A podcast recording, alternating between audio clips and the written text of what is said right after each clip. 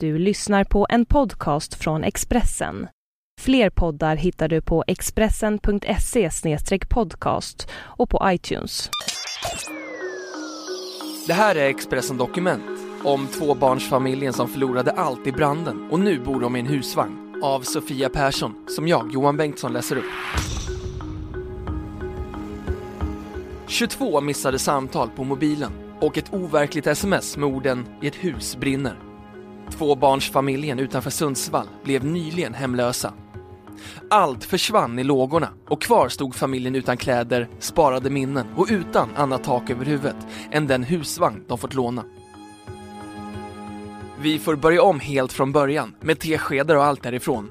Det enda vi har kvar är de kläder vi hade på oss dagen det brann, säger Andrietta Ogebrand, 30.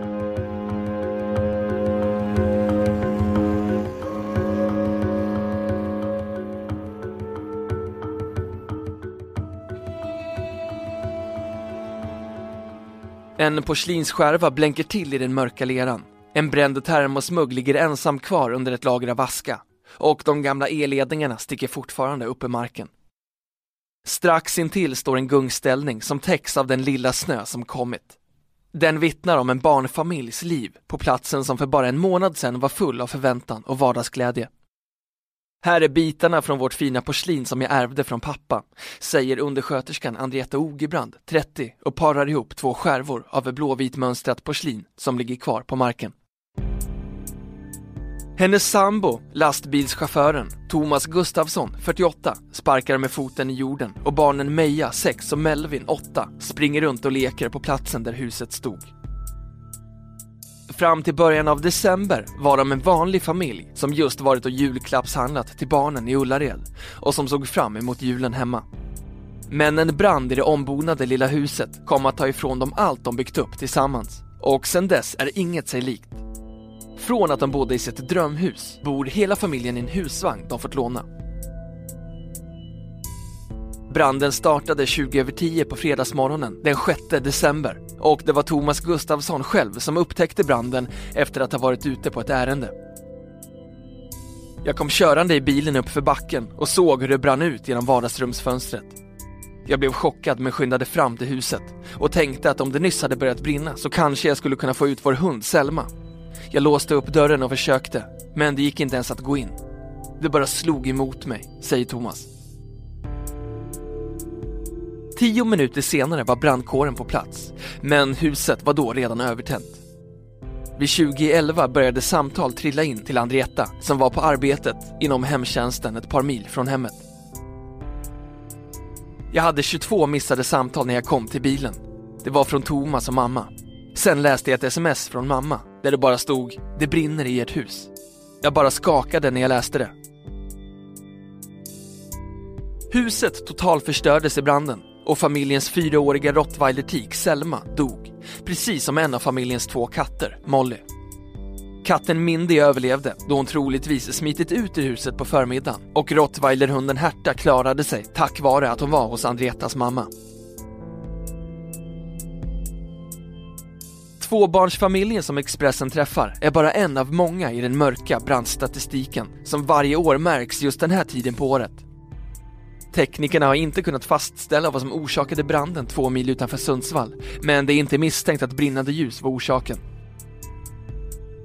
Det hade varit skönt att veta vad det var, för nu är man supernojig, känner på allt man tänder och släcker. Men det var för sönderbränd för att de skulle kunna se vad som startade branden, säger Andreta Ogebrand. Nästan hälften av de bränder som inträffar på grund av levande ljus inträffar annars i december och januari. Framåt julhelgerna och en bit in på det nya året brukar brandstatistiken vara som allra mörkast. Familjen i Söråker hade gjort allt rätt. De hade en fungerande brandvarnare och de hade en plan på hur de skulle agera om något hände. Men när elden flammade upp gick allt blixtsnabbt. Nu lever de sitt liv i en lånad husvagn på samma tomt, bara ett 50-tal meter från platsen där huset stod förr. Där finns plats för bara det allra viktigaste, som barnens skolkläder och något ombyte till de vuxna.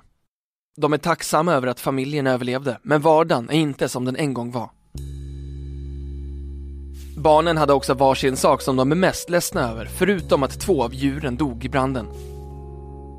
Meja blev helt förstörd att hon hade förlorat sin julkjol som hon önskat sig i julklapp. Och Melvin var så ledsen över att han nu måste börja om från början på sitt tv-spel, säger Andrietta med ett försiktigt leende. Efter branden har familjen fått bra hjälp från försäkringsbolagen och trots att vissa saker aldrig går att ersätta känner de sig nöjda med den hjälp de fått. Inom ett år hoppas de kunna bygga upp ett hus på samma plats. Staffan Moberg, jurist på Svensk Försäkring, säger att alla som har en hemförsäkring kan känna sig trygga med att försäkringen täcker en eventuell händelse av brand. Brand är ju egentligen grunden till alla våra hemförsäkringar idag.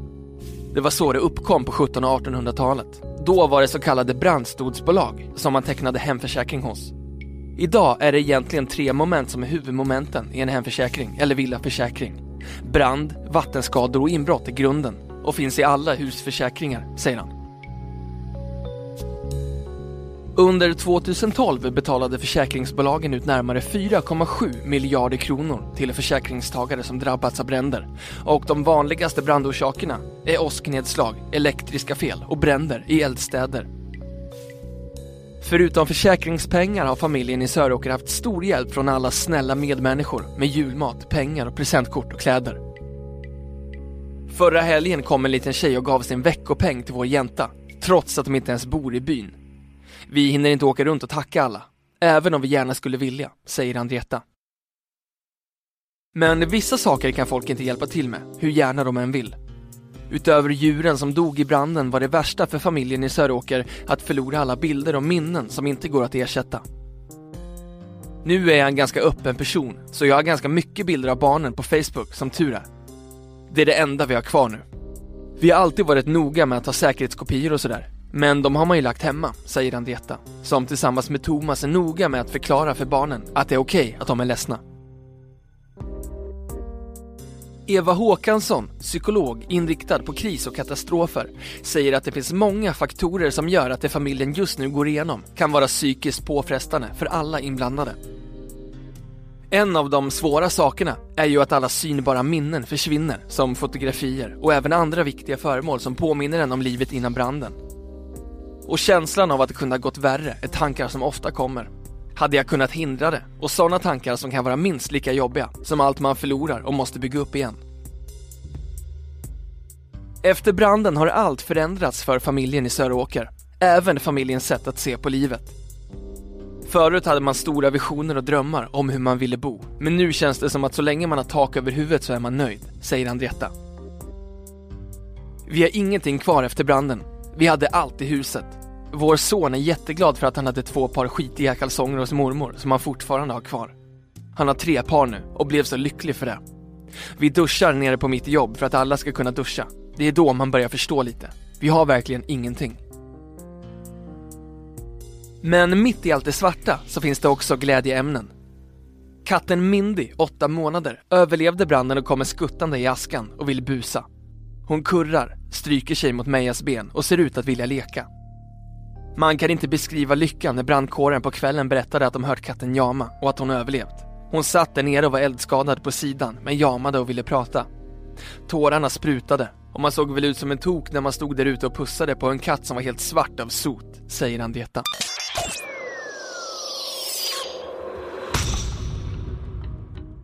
Du har lyssnat på en podcast från Expressen. Ansvarig utgivare är Thomas Mattsson. Fler poddar finns på Expressen.se och på iTunes.